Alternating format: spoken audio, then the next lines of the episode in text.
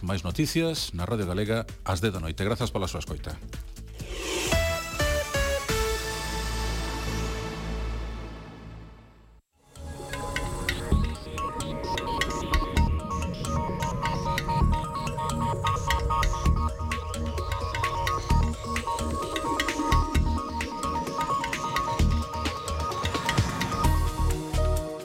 Moi boas noites, un saúdo de Pedro Piñeiro e de Manuel Vicente. Somos o equipo de efervesciencia.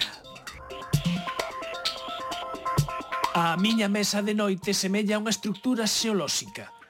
Unha morea de libros empillados no chan cos seus propios estratos.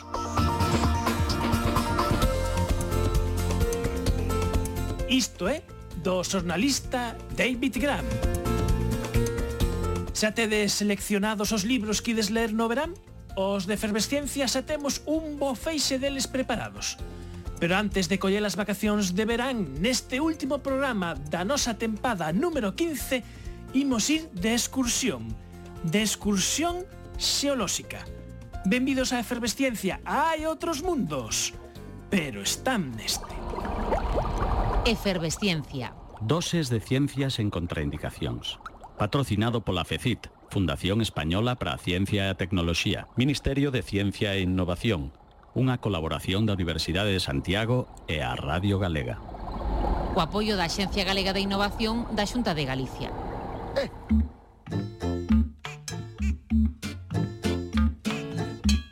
Imos de ruta xeolóxica. Preparade a vosa mochila, engadide unha libreta, un boli, algo de refriserio, levade un calzado axeitado para proteser los nocellos, un bo chapeu e atendede as explicacións do xeólogo Fran Canosa, que a ser o noso guía pola ruta do Perdouro en Burela. Nos, pola nosa parte, levámolo o noso laboratorio portátil de efervesciencia. Música Atopámonos na, na costa de Burela, carón do seu porto, eh, coñecendo pois, unha, unha zona eh, realmente bastante descoñecida para a xente que visita esta parte da Mariña, eh, é a zona da Igrexa de Coeda, que é unha formación eh, xeolóxica de arcos rochosos eh, que se desenvolveu de había a presencia de seixo e a erosión eh, do mar sobre este material fixo pois que se formara unha especie de pequenas catedrais a carón deste núcleo urbano de Burela. Eh, temos que pasar rapidamente e intentar non permanecer moito tempo debaixo. Sí, e como a calquer zona de cantil, independentemente da zona nos atopemos, sempre é aconsellable eh, facer un tránsito máis ou menos rápido, porque son zonas de risco e evidentemente non ten por que pasar nada, pero temos que minimizar o, o posible impacto, non? Pois imos algo. Vamos.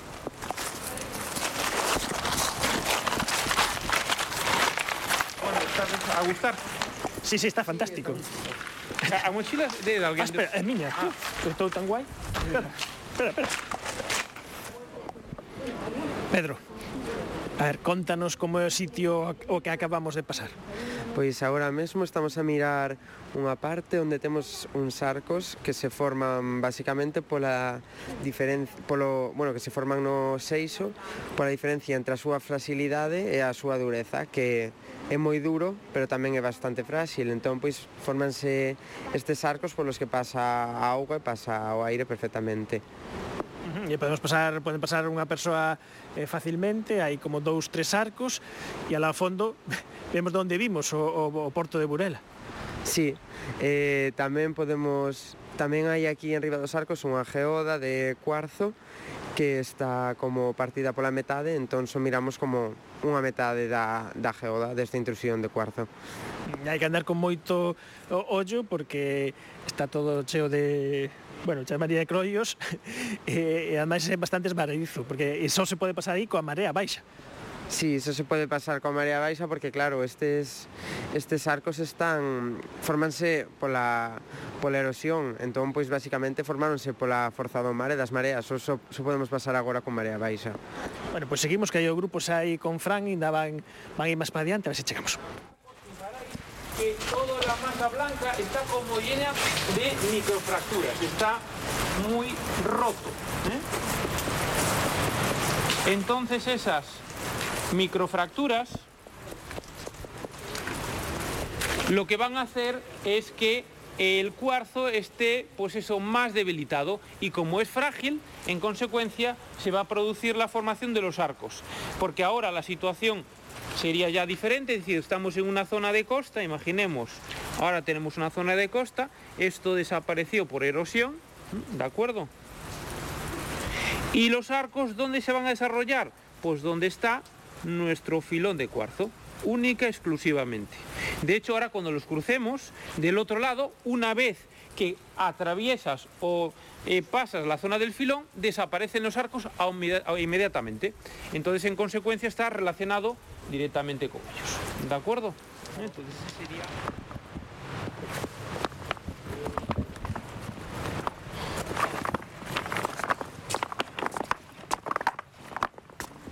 Eh, Pedro, eu síntome timado. Eh, vos decides que isto é unha praia?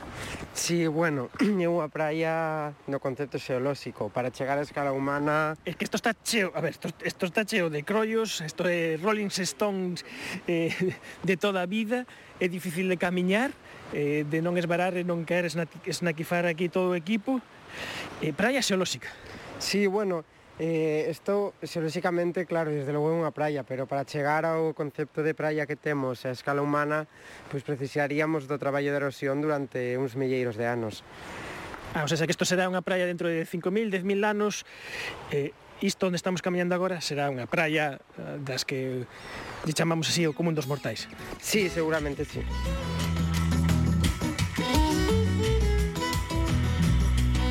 Que tal, que tal vos pareceu así a ruta? Bueno, pues fenomenal, va, fenomenal. Genial. Sí, hemos aprendido cosillas que no sabíamos y bueno, es un mundo distinto lo de la geología y ver la costa de otra manera.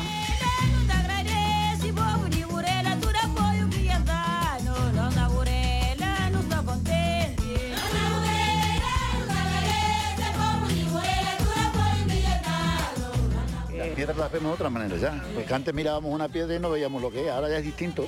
Uh -huh. ¿De dónde sodes? Eh, de Madrid, venimos de Madrid. Bueno, de nosotros, yo soy gallega, de Orense. Y nosotros... Talavera, Burela. Sí, de los dos. De los dos sitios. Eu vivo en Madrid e viña escapando un pouco pois, do, da temperatura que facía ali. Eh, tamén aprendi un pouco da, das rocas e eso todo que non teño moita pois non teño moita soltura co eso. E así pois vou aprendendo un pouco.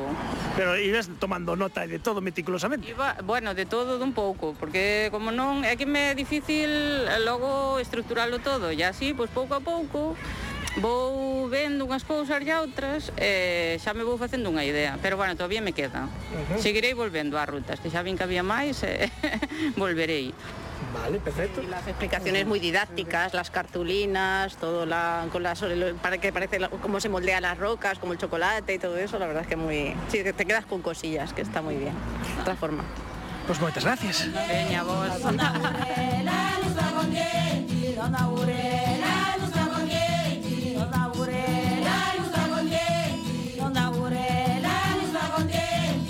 Núcleo externo, manto y corteza.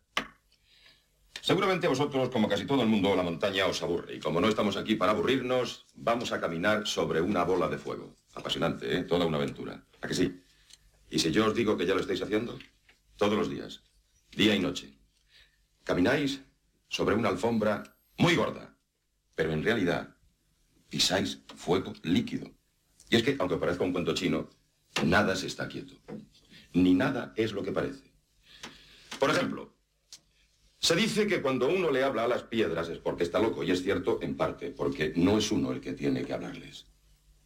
Tiene que dejar que hablen ellas. Claro que para hablar con las piedras primero hay que conocer su idioma, pero también pasa eso con la gente, ¿o no? Necesito con urgencia transfusión de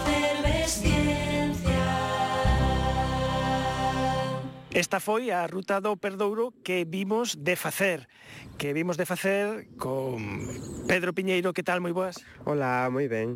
Eh, Pedro Piñeiro falaba por aí, bueno, Pedro Piñeiro, os nosos ointes xa sabedes que esta tempada incorporamos a Pedro que é estudiante de Xeoloxía e Ciencias Ambientais na Universidade eh, Autónoma de Barcelona que está facendo as súas prácticas aquí de comunicación da ciencia da xeoloxía en efervescencia. E, e claro, eh, tocaba facer un paseo xeolóxico, verdad? Sí, tocaba facer un paseo xeolóxico e bueno, eh, pois pues aquí estamos con Francanosa con Francanosa que eh, pois que leva está este blog de eh, rutas xeolóxicas por Galicia. Fran, moi boas. Que tal? Bo día. Viñemos de facer a ruta do Perdouro. Uh -huh. Estamos eh, en Burela, no Porto, e, e claro, eu se paso por aquí, eh, eu vexo eh, nada, un peirao, un barco nun dique seco, eh, un edificio en ruínas, eh, coches pasando, unha rotonda... Eu na miña vida pensaría que este é un punto, un sitio singular. Pois sí, a veces, eh, claro, a xeoloxía estaba antes que nós e depois nos vamos integrando sobre ela. Eh, pois aquí, a carón desta rotonda que temos, pois temos o contacto eh, de dous materiais moi diferentes, que por unha banda o granito do, do corpo de San Cibrao e por outra é as, os materiais metamórficos que xa temos na parte eh, da metade oriental de Galicia que son cuarcitas e aquí había unha antiga praia, xente de Burela eh, non moi maior recorda perfectamente esa praia e nesa praia mirabas a un lado e outro e atopabas materiais totalmente diferentes. Uh -huh. Eh, podemos ver eh, na, nas primeiras etapas da, eh, do paseo xeolóxico eh, unhas partes eh, de cantiles que tiñamos a nosa altura, que podíamos ver sen necesidade de subir a un andamio nin nada. Así é, porque quedou unha exposición perfecta eh, na, no cantil de unha serie de estruturas como son os pregamentos de un lugar de interés xeolóxico a nivel internacional, o que se ven chamando un geosite, e supón a Burela pois, no mapa mundial da xeoloxía por esa singularidade e a claridade, como indicas, co que se ven estas estruturas. E coido que houve que pelexar, que houve que quitar aí un almacén de residuos pesqueiros, uh -huh. que estaba xusto, xusto no peor sitio de todos. Desde o punto de vista xeolóxico falamos. Sí, así, desde o punto de vista xeolóxico. Eh, pero precisamente eh, como Concello deuse de conta que o patrimonio xeolóxico era unha maneira diferente de dar a coñecer o territorio, máis Burela é un concello moi pequeno, a oferta con respecto a outras áreas de Galicia é reducida, lóxicamente, pois deronse de conta que porque iban a desperdiciar unha oportunidade de dar a coñecer o seu patrimonio por culpa de unha acción que podía ter pois eso, un, un retorno, non? E, e así se fixou, se fixeron xestións, e non foron doadas, pero ao final conseguiuse retirar ese, ese vertedoiro e agora pois luce dunha forma pois máis natural. E claro, eh, isto foi unha auténtica saída do, do campo, houbo que, bueno, houbo, houbo que levar, eu non, non vin co calzado máis asitado porque os, os meus tenis estenden aí a, a suela un tanto desgastada, dificultade media po, poñía aí na, na, na vosa páxina. Non quero pensar, bueno, é asequible, perfectamente asequible, pero como somos de dificultade alta.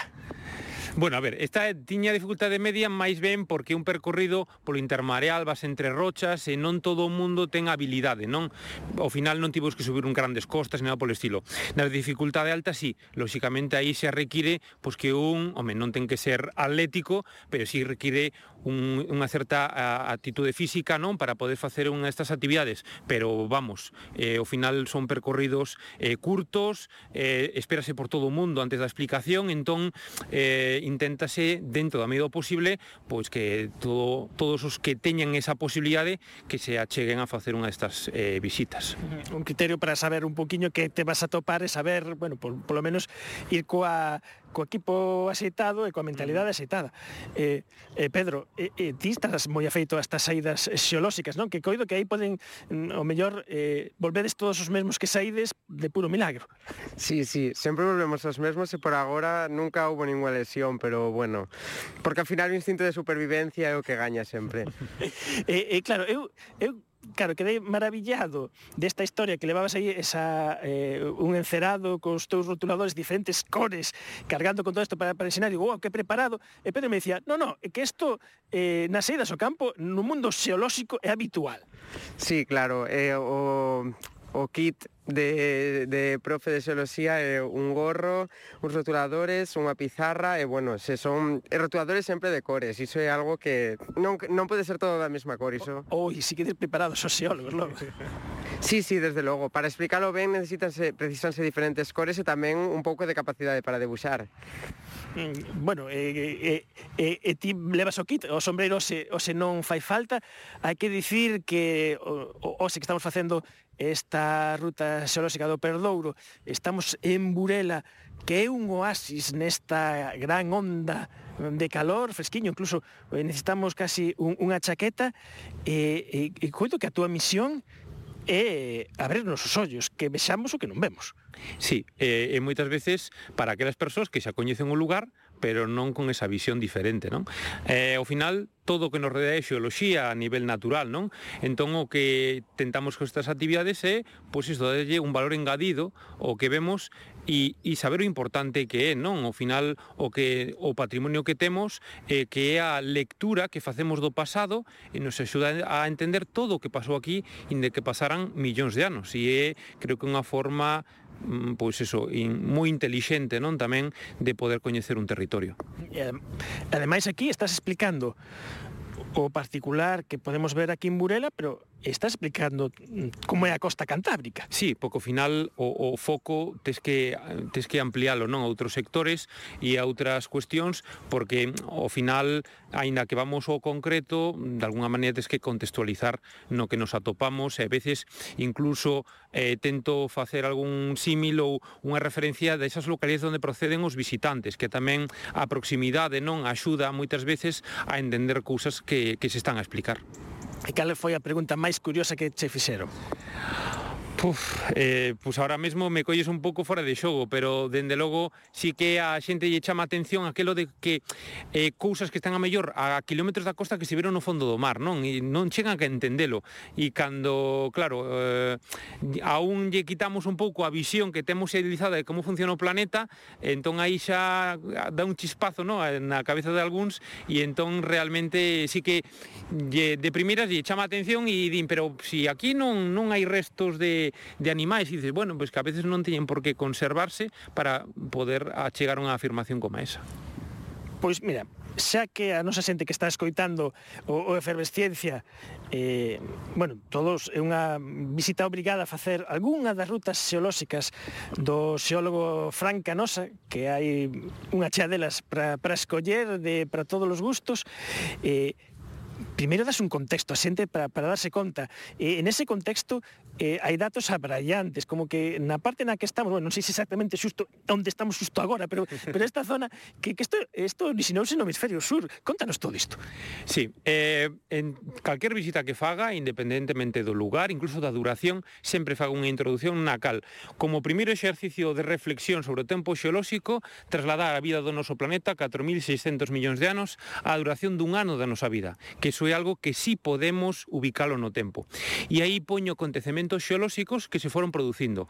Apareceron da vida, das distintas especies, eh, os dinosauros e a nosa presenza, que se produce nesa comparativa 12 minutos antes de que nos tomemos as uvas. Eh? Entón aí xa o sorriso de moita xente xa despréndese, non? Dándose de conta de que somos efímeros no tempo xeolóxico e que realmente eh, a, a xeoloxía a, a, comprende moito máis tempo do que estamos a vivir. Unha vez feito iso, xa os trasladamos a que as rochas que temos en Galicia non todas se formaron aquí, xeográficamente falando, senón que, como indicabas, moitas delas formáronse en latitudes do hemisferio sur, e debido a esa evolución da dinámica terrestre chegan á posición actual. Pero tamén outra reflexión, e é que sempre nos a case todos nos contaban na escola que as montañas de Galicia eran montañas bellas e por iso eran tan redondeadiñas e non tiña moita altura. Pois eso é totalmente falso. As montañas de Galicia son montañas xóvenes. O que acontece é que os materiais que forman as montañas sí que teñen unha certa antigüedade. As montañas de Galicia son, foron, foron montañas que se formaron dúas veces.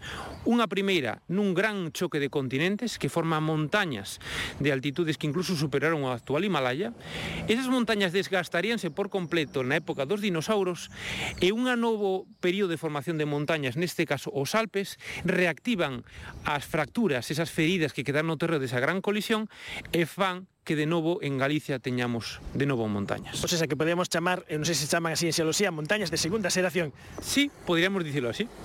Eh, a ver, eh, dixemos o kit, pero kit ainda non describimos o kit completo, porque le traes un mapa.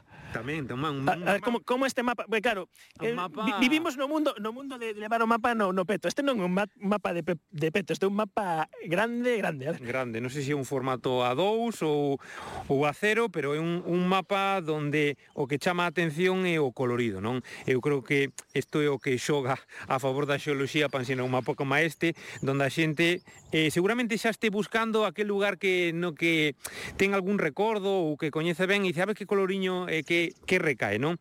E sobre todo neste mapa, así de visto de forma xeral, se veré como dúas grandes Galicias, non? A Galicia occidental, que sería a Galicia granítica, eh? e unha Galicia oriental, que sería pois esa Galicia metamórfica, onde habería pois eses materiais, as cuarcitas, as lousas, que incluso presentes a nivel construtivo pois nas vivendas, non? Da, da nosa Galicia interior. É, é curioso, ben, é, eh, cando ves este mapa, eh, parece me con outro mapa que non ten nada de relación que co mapa dos usos do galego, que, que divides os usos do galego e dices, anda, pois pues, parece que a xeoloxía vai, vai, vai semellante. Pois pues sí. Hai un, pues sí, porque hai unha, hai un, hai un, unha zonación, non? Eh, eh, dende o oeste hacia o leste, eh, que está lóxicamente en relación cas distintas formacións xeolóxicas. E no caso, por exemplo, da, da, da lingua, si efectivamente tamén non hai unha zonación eh, dende o oeste cara ao leste. E nos onde estaríamos? Pois pues nos estaríamos xusto neste puntiño. Eh, ah, entre... Aí ves o cambio de color, claro. Eh, exacto. E ese onde estamos xusto ahora os nosos pés. Xusto nese cambio de cor. entre os granitos a, un, a unha beira e as rochas metamórficas, as cuarcitas e lousas da outra banda. Uh -huh. E, e estamos ben en Galicia a, a nivel de, de mapas xeolóxicos, de detalle, eh, temos todo o territorio ben, ben mapeado, ou é un traballo que está pendente por facer? Bueno, eh, é unha boa pregunta, porque eh, hai moita xente que o descoñece e é que eh, xa a nivel de, de, de Estado de España eh, o que temos é unha cartografía xeolóxica de un, de un detalle significativo, como é o, o proxecto Magna, non? como lle chamamos os xeólogos. É un proxecto de cartografía xeolóxica que se fixo pois eh, máis ou menos entre os anos 60, 70, 80 para cartografiar eh, todo o territorio, sobre todo con finalidades de, de punto de vista de recursos eh, naturais, non a nivel pois, de eh, minerais ou, ou, ou semellantes. Eh, E eso, ese tipo de cartografía tan detalle eh, fai que teñamos eh, pues eso, unha, unha relevancia a nivel internacional destacada. Hai países como os Estados Unidos, sin máis lonxe, que non teñen unha cartografía tan detallada como a nosa, ou países como Francia ou Alemanha, que son superpotencias, e eh, non teñen unha cartografía xelóxica tan detalle. Si que é certo que fíxose un pouco, mm, de unha forma un pouco rápida, vamos decirlo así, eh, e hai cousas para, para mellorar, non? Porque se melloran as técnicas, e hai, mm, pois, eso, un maior coñecemento do territorio, con traballos posteriores, teses doutorais, eh, de investigación, e eso, lóxicamente, van a complementar esa información que tiñamos. Pero vamos a dicilo que temos un, un notable, non? Eh, no coñecemento do territorio, aínda que, como a todo, é mellorable, aínda que, bueno, andamos, andamos bastante ben. E como é de accesible ao público? É totalmente en aberto, se un eh, visita a página do Instituto Geológico Mineiro de España e ten acceso, pode descargar as distintas follas en, en, for, en distintos formatos, PDF, JPG, e a pode levar no seu móvil, incluso eh, hai un visor que te permite xorreferenciar o punto no que te atopas en ese momento e, polo tanto, saber que é o que estás a pisar. Pero ti fixeches isto antes de vir a facer esta ruta? Sí, sí, eu estiven a... Claro, eu teño o costume de, para preparar todas as saídas, buscar un mapa xeolóxico, pero claro, eu estou acostumado a facelo co ICGC, que é o Instituto de Instituto Cartográfico e Xeolóxico de Cataluña. Entón, claro, eu non estaba nada feito a, ao IGME nin ao IGN, entón, para buscar os mapas costoume bastante, a verdade. Bueno, falamos aquí dun usuario, bueno, a ver, a ver, a ver, a ver como, como, como está esta cousa. E, e comentabas, Fran, eh, que tamén eso, hai teses de doutoramento que analizan territorios concretos eh, desde o punto de vista xeolóxico. Este é o caso da tua tese de doutoramento que fixeches a non moita distancia daqui, no, no Vicedo, mm. eh, eh, que era Ponte Segade. Ponte Sega, efectivamente, sí. Eh, bueno, a verdad que foi apaixoante o feito de que os meus directores de tese deranme a oportunidade de coñecer un puntiño de Galicia que prácticamente non se sabía nada delo, non? Porque normalmente nas teses doutorais normalmente van vinculadas a un proxecto e xa tes unha zona predefinida, pero no meu caso tive unha gran sorte de poder escoller. Pioneiro aí. Pi sí, pois a verdade é que sí, é eh, moi agradecido, dende logo. E iso pois me deu a o pé a poder coñecer un un xacemento de coltán, do famoso coltán, eh, aquí no norte de Galicia, só era coñecido de Penouta, eh, na zona de terras de Viana do Bolo, eh, que era o maior xacemento de coltán de Europa, todo hai que dicilo, pero no norte de Galicia non se tiña referencia deste xacemento, posiblemente oculto pola vegetación eh, e ata agora pois, descoñecido. E foi unha revolución dende o punto de vista da, do coñecemento xeolóxico desa parte de Galicia e do cal pois, estou realmente moi moi contento. Porque é eu mirara e a túa tese de doutoramento non entendí nada. E o único que me chamou a atención foi precisamente eso, o do coltan. Cando vin ese, dixe, onde? Temos coltan en Galicia, pero supoño que eh, non, non o sei, eh, non ten características para ser extraíble ou Bueno, ou eh. non o imos decir, se, se son non oímos decir, espera, non, espera, esta parte imola censurar.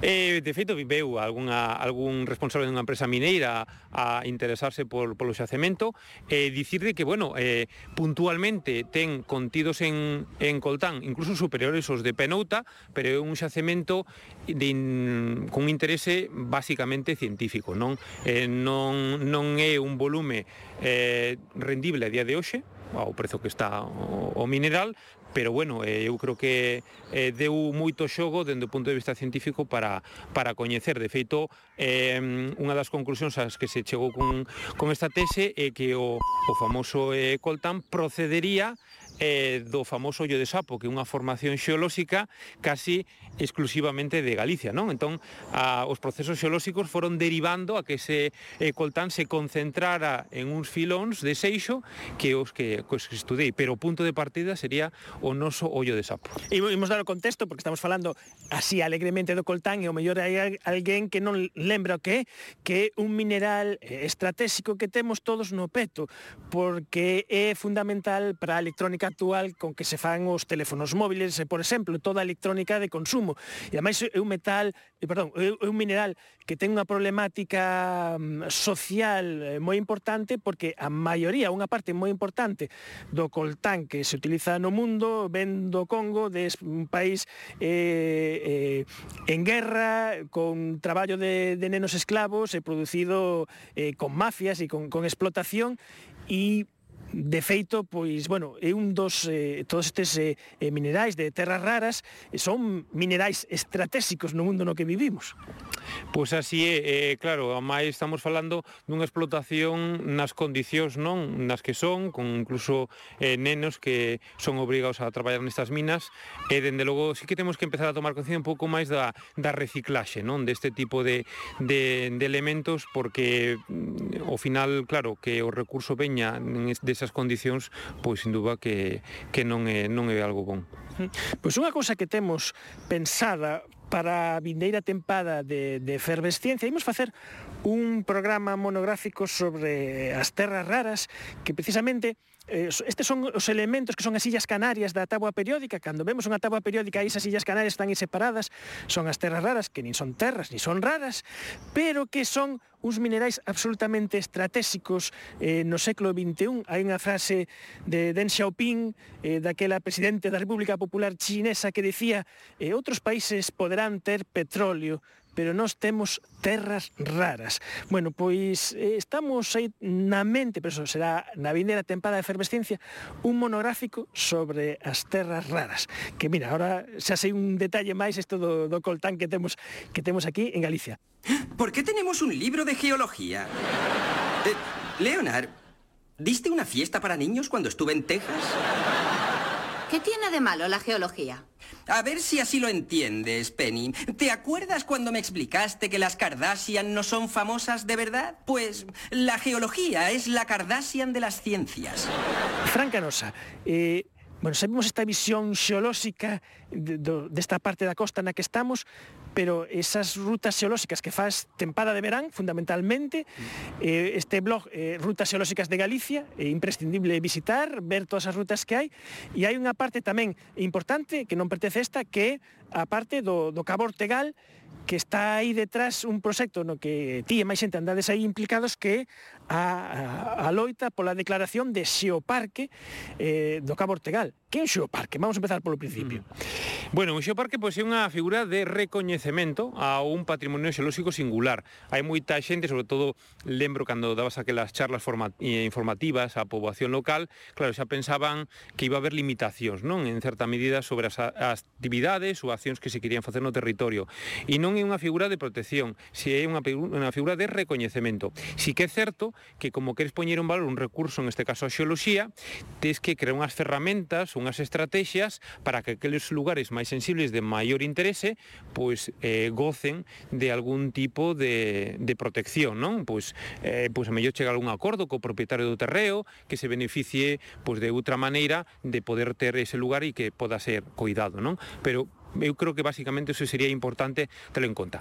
E, e Esa xeoloxía tan singular vai ser o eixo principal dunha estrategia de desenvolvemento sostible para o territorio. É dicir, a xeoloxía vai ser a excusa, entre comiñas, para que ese territorio poda aproveitarse de os seus produtos e os seus recursos non xeolóxicos, non? Como pode ser, pois eso, un produtor local de mel ou que teña eh, conservas ou, ou cousas semellantes ou unha persoa que realiza as actividades de todo tipo, entón ten unha marca de calidade que é a marca Xeoparque e que poda empregala para porque a rede de Xeoparque é unha rede mundial e iso lógicamente é unha proxección internacional e un escaparate a fora das nosas fronteiras para o coñecemento dun territorio e de todo o que se move ali. Uh -huh. E o primeiro paso e ter pois, certos valores xeolóxicos para poder eh, amosar. Eu lembro que xa hai bastante tempo falando con eh, Vidal Romaní, eh, el dicía que o xeoparque que, que hai, por exemplo, no, no País Vasco, que ten uns valores xeolóxicos, pero que aquí en Galicia temos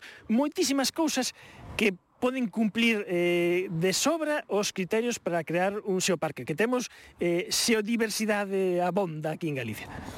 Pois sí, eh, de feito, que dicir, eh, se nos miramos un mapa da, da Península Ibérica, nesta esquiniña que nos atopamos, pois hai un cambio moi rápido de materiais, no? de unhas zonas a outras, e iso, lóxicamente, te lle dá esa riqueza. Mais, podemos dicir que en Galicia temos eh, pouco, pero un pouco de todo, non? Entón, iso lle dá esa riqueza. Eh, Eh, e no caso do, do volvendo ao Cabo Ortegal, eh, a rede eh, española de xeoparques, que é a rede despois da chinesa a máis extensa do mundo, eh, que iso non hai que esquecelo, eh, o proxecto xeoparque de Cabo Ortegal representaría eh, unha xeoloxía non representada ata o momento. E a nivel europeo creo recordar que eh, só so, Portugal e outro eh, xeoparque na, na zona de, de Noruega está representado unha xoloxía algo semellante a nosa, polo tanto, sería un complemento perfecto para esta rede eh, española de xeoparques porque vai a mostrar algo que nosotros pois pues, non se non se pode eh, non se pode ver. Uh -huh. eh, claro, todos estes procesos de homologación eh, requiren un traballo burocrático burocrático, técnico, de consenso tamén coas institucións, de amosar non só supoño eh, o patrimonio xolóxico que hai, senón precisamente como está visibilizado, que decir, eh, como está Eh, conservado, podemos decir, no sé si se puede decir esto en xeolosía, eh, conservado, cómo está panelizado, explicado, divulgado, con rutas geológicas eh, como estas, pero también como todas estas cosas tienen una componente de diplomacia, no sé, geológica en este caso, diplomacia burocrática, no sé cómo se está elevando todo esto. Bueno, sí que es cierto que cuando traversas a administración, si en Galicia tenemos un cierto localismo ainda y e e, e cando son territorios un pouco amplos, a veces eh, toca sensibilidades, non? E tens que ter moito cuidado nestas cousas. Ao final, eh, hai que aprender a traballar en, en conxunto, non? Eh, porque a, é a maneira de poder avanzar e de conseguir cousas. Eh, unha vez superado iso, pois bueno, eu creo que eh, o importante é Mm, que todo aquilo que queres amosar, pois de algunha maneira, pois eh, o teñas eh, pois eso, eh, ou panelizado ou mediante actividades ou mediante uns recursos que den a coñecer, non? Porque ao final se queres poñer en valor algo, pero realmente non te baches no territorio, pois vai ter, vai ser difícil, non? Entonces, eso son unhas, unhas cousas que es que tens que traballar. E pois os plans de desenvolvemento, incluso UNESCO dá máis da metade da puntuación os plans de desenvolvemento para o territorio máis máis que a xeoloxía, o sea, para a UNESCO é máis importante que a poboación local sexa a primeira beneficiada dese recurso e non tanto da, da xeoloxía, porque ao final, bueno, a xeoloxía é máis coñecedora para os técnicos e que non para a xente, pero claro, ao final a xente non vai vivir só da xeoloxía, vive do que está a facer no día a día e o que estamos intentando é que, que esa xeoloxía lles axude un poquinho máis, uh -huh. non? eh, como van as, os prazos e eh, os procesos eh, porque está seguro que a pregunta que, que che facemos sempre de eh, para cando, cando, cando ven o comité, cando vai, cando para adelante, para atrás? Eh, bueno, pues sale, para, para, como vai. Pois eh, presentamos a candidatura eh, oficial no primeiro trimestre do ano eh, fi, pois hubo un primeiro filtro a nivel da Comisión eh, Nacional de Xeoparques en España eh, e deu tamén o seu visto bo e a súa carta de apoio. Entón eh, todo se mandou eh, a UNESCO no que a o dossier, mm, digamos máis elaborado coa toda a documentación completa e agora estamos á espera de recibir a visita dos avaliadores internacionais de UNESCO sobre o territorio que debería producirse pois nestes nestes meses, non? Normalmente eh, é ser nos meses de verán, pero sei que bueno, hai un hai bastante traballo con isto da pandemia, entonces quedaron eh, cuestións todavía en UNESCO por xestionar, pero agardamos que como moi tardar no mes mes de outono, eh, o sea, no mes de outono podamos recibir esa, esa visita dos aviadores e si a, um, aprobamos ese paso, que sen dúbida é o máis importante, o máis importante, porque ti podes contar moitas cousas no dossier pero se si a realidade é outra... Chegas, si, claro, ti contas que está todo fantástico, bonito, chegas e eh, non está eso... Eh, claro. Tens un problema. Sí. Entón, eh, si todo é favorable, alá polo mes de abril-maio do 2023 poderemos saber se si, eh, o Xeoparque de Cabo Ortegal é un máis ou non na rede de Xeoparques Mundiais da UNESCO. Wow, bueno, é pouco tempo, eh. Sí. Ahora, eh, nada, é recta final, como quen di. Despois de todo o traballo feito ata, ata agora, sen dúbida que xa é, xa é moi poquinho que nos queda, por sabelo. Bueno, que ademais, como todas estas cousas, se so ao final sae ben festa en todos os lados e todo o mundo, e se non sae eh, leccións aprendidas, eh, traballo feito e adiantado para, para seguir co proxecto, supoño. Sempre hai que mm, poñerse nas dúas situacións, non? Non non pensar que porque nos digan un non e xa tira a toalla e pensar que non se traballou suficiente, a mellor non se traballou todo o que se podía e hai cousas lóxicamente mellorables. Eh, Mm, opinión, pois non se gustaríame que fora, pero eh, evidentemente son moitas cuestións as que entran en xogo aí, eh, agardemos que se xa favorable, pero insisto, se si hai un non, eu creo que non debemos perder a ilusión de que un territorio tan singular como é o, o Cabo Ortegal pois poda formar parte desta rede. Geólogo, eh, o fío desta ruta que vimos de facer aquí no Porto de Burela, a ruta do Perdouro, de rutas xeolóxicas de Galicia, un blog para calquera que queredes coñecer pois Costa Norte Galega, non, fundamentalmente? Sí, Fundamentalmente, ainda que, bueno, eh, despois eh, sempre teño algúns percorridos en outros puntos de Galicia eh, con algo que xa creí fai uns anos que son os, os fin de xeolóxicos. Eh, estamos indo a Courel o Xurés e este mm, e este outono pois pues, iremos a Ancares o sea que vamos ampliando eh, territorio pero con ese formato de fin de semana que é verdad que gusta moito e, e sobre todo porque son áreas amplas do noso territorio e, e precisa de, de máis tempo non, non só dunha maña ou dunha tarde. Bueno, mellor tamén nos apuntamos, Pedro, e levamos os nosos micrófonos, seguimos por aí, ti, ti ves? Sí, sí, bueno, eu supoño que terei clase, pero podo vir, eu creo. pero, bueno, pero ademais, coido que precisamente neste novo curso é onde vas estudiar eh, as, as, eh, as rochas eh, que esas son as de Galicia, non? Sí, sí, este ano eu teño unha saída que vamos chegar ata, bueno, ata, ata casa non, pero ata Galicia sí. Bueno, pois eh, estas son as cousas que se poden falar, aprender eh, nunha ruta xeolóxica que ademais eu creo que ten o mérito de que eh, a xeoloxía como disciplina e como ciencia eh, digamos que ten como unha certa barreira de entrada mental que temos todos de, bueno, xeoloxía va, pedras e eh, cousas así. Eh, supoño que eso non é vencido eso eh, é fantástico, maravilloso, ese é o mérito que, que, que teñen e creo que son estas visitas. Non? Eh, sí, exactamente. A máis, eh, sempre conto a anécdota de que eh, a veces na unha viaxe mm, con fins xeolóxicos que, por exemplo, fixen eh, fai uns anos Estados Unidos, eh, recordo que, claro, abriron unha maleta, tiña el un martelo, toda esta historia. Eso, eso aquí, eh, en España, eh, te miraban con unha mala cara e tienes que ensinarlle incluso o carné da universidade ou estas historias. Nos Estados Unidos, eh, dices, non, son xeólogo, pechaba a maleta e dice, continúe. O sea, realmente eu creo que eh, falta aínda non ese, esa labor de ver que os xeólogos eh, tamén somos outros científicos máis, ca, ca importancia que ten a xeoloxía, que o coñecemento do noso planeta, e non só rochas, non, sino que é a vida do noso planeta, o, o entender o porqué das cousas e o que nos rodea. Uh -huh. Pois moitas grazas, eh, Fran Canosa, por este paseo absolutamente delicioso. Eu coido que habemos eh, repetir, inda que sexa de xeito particular, estas rutas xeolóxicas eh, de Galicia. E eh, nada, pois estaremos tamén moi atentos a todo o que pasa coa declaración de Xeoparque do Cabo Ortegal, dese proxecto maravilloso no que andades aí loitando duramente. Moitísimas grazas. No, moitísimas grazas a vos e eh, un placer eh, contar con vosa presenza aquí hoxe. Eh, eh, Pedro, pois nada, eh, graciñas tamén por, por acompañarnos. Eh, seguiremos falando cosas de xeloxía en efervescencia, verdad que sí? Sí, sí, moitas grazas. Eh, pronto falaremos máis cousas de xeloxía.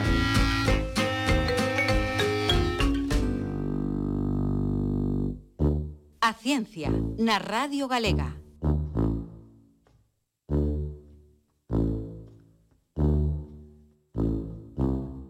Esta tempada de efervesciencia comezámola de xeito grande, participando facendo un programa ao vivo no Get Night, a noite galega das persoas investigadoras. Un programa especial que fixemos desde o Tinglao do Porto de Vigo, e ali estaba conosco Mónica Valderrama. Eh, Mónica, moi boas noites. Moi boas noites. Mónica Valderrama é vicerreitora de Comunicación e Relacións Institucionais da Universidade de Vigo e, ademais, é a responsable da Unidade de Cultura Científica desta universidade. E, Mónica, que fai unha unidade de cultura científica? Pois bueno, o primeiro, o primeiro quería eh, engadir que como responsable, responsa, corresponsable, porque a vicerreitora de investigación, que Belén Rubio, eh, digamos que, que unha tarefa compartida. Ademais de, de xeito, pois penso que, como, que moi moi, moi agradable. Uh -huh. eh, que o que fai unha unidade de cultura científica máis innovación? Pois intentar contar o que fan os investigadores e investigadoras, neste caso, da nosa Universidade de Vigo, eh, o resto da audiencia, da cidadanía, internamente e externamente. Digamos que hai esa doble faceta de comunicar eh, cara fora e tamén dicirnos os que estamos dentro que fai o laboratorio de enfrente, porque moitas veces non coñecemos o que fan os demais dentro desta comunidade, unha comunidade con tres campus grande. Entón, basicamente, é divulgar, eh, contar o que facemos, e, de feito, a primeira cousa que fixemos cando entramos no 18 eh, a traballar nesta unidade, bueno, que realmente empezou operativa no 19, porque foi a finales en decembro cando iniciaba a súa andadura, foi facer pezas audiovisuais, vídeos, nos que se contamos que facemos, era, esa era a idea, que facemos, intentando recoller os cinco ámbitos científicos que hai na nosa universidade, eh, para que de algún xeito pois, se visibilizasen non únicamente o típico mm, eh, da ciencia, ciencia mm, bata branca, non? sino tamén pois, as humanidades, o ámbito xurídico social, era un pouco esta a nosa tarefa. Eh, por eso colabar, colaboramos investigación e comunicación.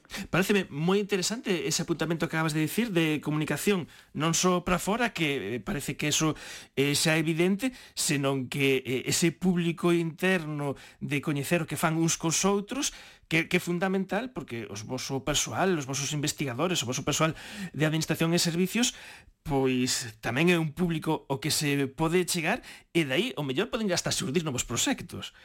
Así é, porque eh, por unha banda eh, coñecer o que hai, eso é evidente.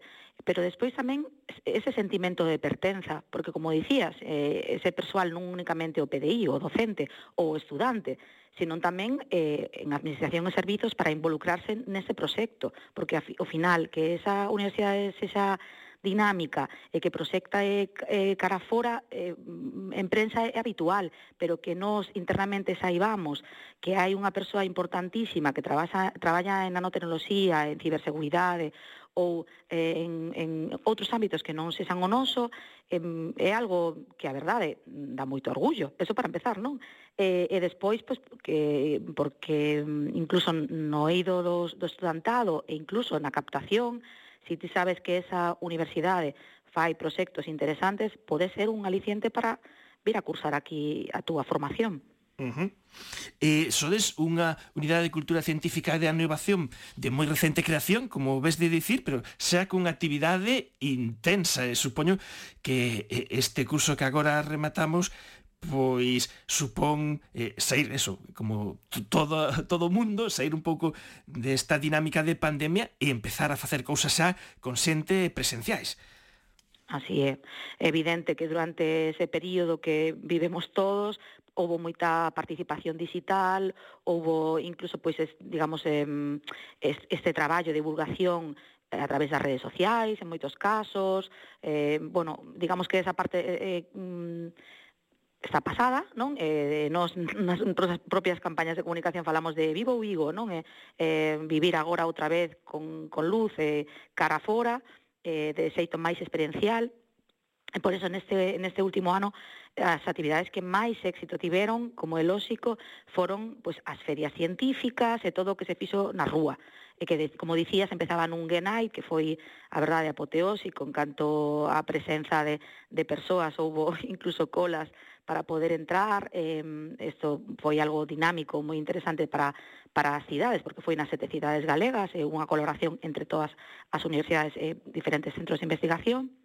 Pero agora mesmo a nosa aposta como digital ten que estar aí presente, unha mm, vía de, de presenza constante, pero sobre todo eh, estar na rúa eh, levar para que as persoas sintan, toquen eh, e teñan a experiencia directa. Mm. E nesa aposta por levar toda a ciencia que se fai na Universidade de Vigo eh, á rúa, eh, utilizades todos os recursos que están o voso dispor na vosa eh, entón na vosa comunidade. É unha cousa que non sabía, que non tiña ni idea, é que en Vigo existe un planetario e vos utilizastes. Pois sí, así é, pero ti non o sabías e eu mesma non o sabía tampouco. Así que este traballo da UCC precisamente é dar visibilidade o que para a cidadanía moitas veces non, non, non, es, non está presente, non? E, e así poder eh, gozar. De, neste caso era o Instituto Politécnico Marítimo Pesquero eh, do Atlántico de Vigo, eh, que foi con, bueno, eh, eh, para unha actividade que se eh, a denominación foi Astrofamilias, e mm, ali hai un planetario, efectivamente, o que estabas a dicir.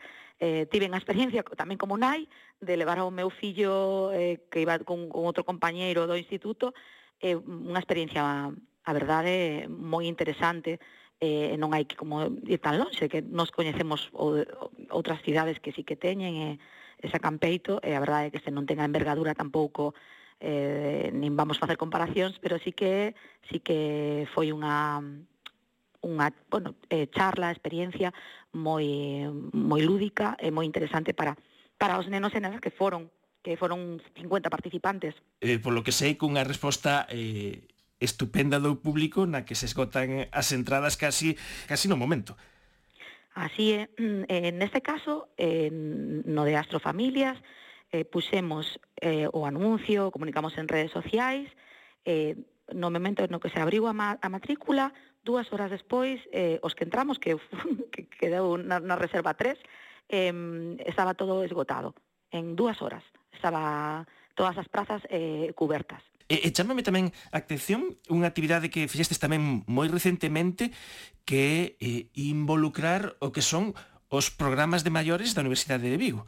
Así é, esta actividade eh, tivo a denominación Embaixadores da Ciencia e do Coñecemento e consistía en emparellar eh, a cinco, digamos, digamos os, os cinco protagonistas eh, deste programa de formación de maiores de 55 anos, con cinco investigadores que daban un aval científico da temática abordada.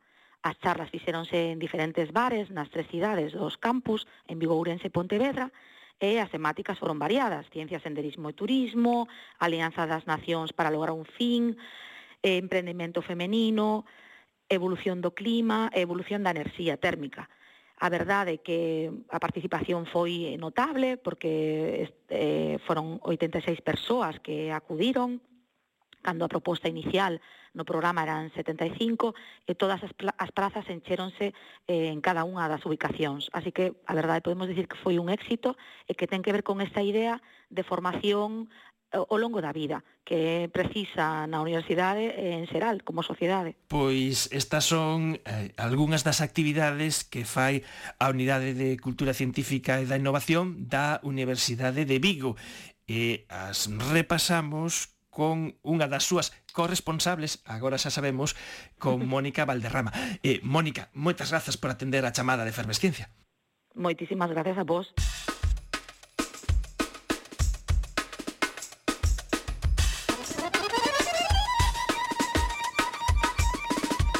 Ciencia Calidade. Este é o nome do primeiro concurso de monólogos científicos en galego. Andrea Muras, moi boas noites. Boas noites, Manuel. Eva Camanelas, moi boas noites. Boas noites. Andrea e máis Eva son o equipo promotor desta idea de facer un concurso de monólogos científicos en galego un concurso do que xa falamos noutra ocasión en Efervesciencia, pero agora aproveitando que pechamos a tempada e ainda queda tempo para que a xente poida participar, pois queremos facer un recordatorio do que ten que facer a xente para participar neste concurso de monólogos científicos. A xente que, que se queira apuntar, que este interesada en participar no concurso, o único que ten que facer é pasarse polas nosas redes sociais, xa pode ser o, o Twitter ou o Instagram, eh, cubrir un pequeno formulario que temos, no que ten que poñer os seus datos e mandarnos un pequeno vídeo sobre o tema do monólogo eh, que non pase dun minuto de tempo. En función deses vídeos faredes a selección dos do que serían os finalistas efectivamente, os concursantes terán que, que enviarnos un, un vídeo dun minuto de duración cun resumo do seu monólogo, non ten que ser, eh, digamos, o, o monólogo final rematado, pero si sí para darnos unha idea, eh, nun plazo de 15 días, de dúas semanas aproximadamente, eh, elixiremos os, os mellores monólogos ou pois unha a selección de participantes para, para esa formación e ese gran evento do día 5 de novembro no Bello Cárcere. Entón, o prazo que para apuntar na senda é enviar os monólogos antes do 11 de setembro, os monólogos que poden ser unha idea moi primitiva do que vai ser, porque logo vos eh, dis que ides, eh, ides proporcionar eh, formación aos participantes.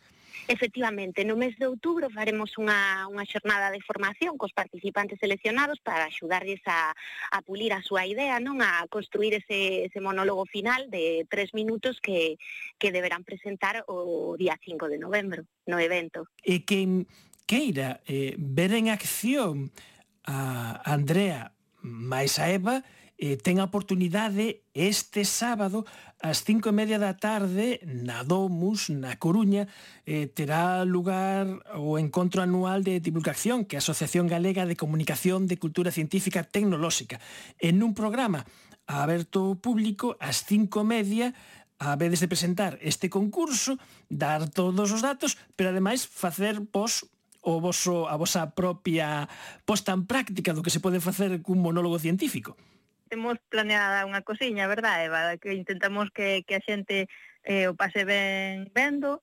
eh, e, eh, eh, bueno, e dar ideas non só do, dos monólogos tradicionais, senón pois ir un, un pouco máis alá e intentar facer cousas máis orixinais xustamente queremos, eh, bueno, proporcionar novos novas ideas, non novos formatos para comunicar a ciencia, temos preparada aí unha unha sorpresiña que musical, non non quero adiantar máis, aí o deixo.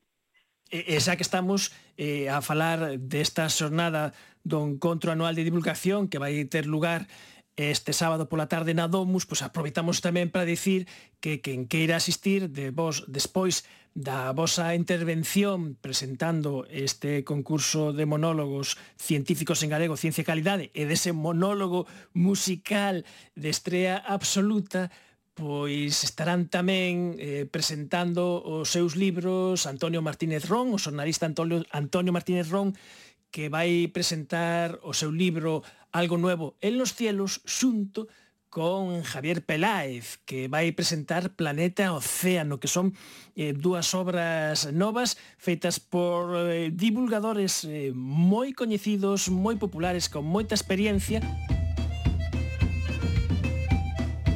Eva, Andrea, eh, moitísimas grazas, nada, que teñades moi bo verán. Moitas grazas a ti, Manuel. Igualmente. Igualmente. Feliz verán. Adeus.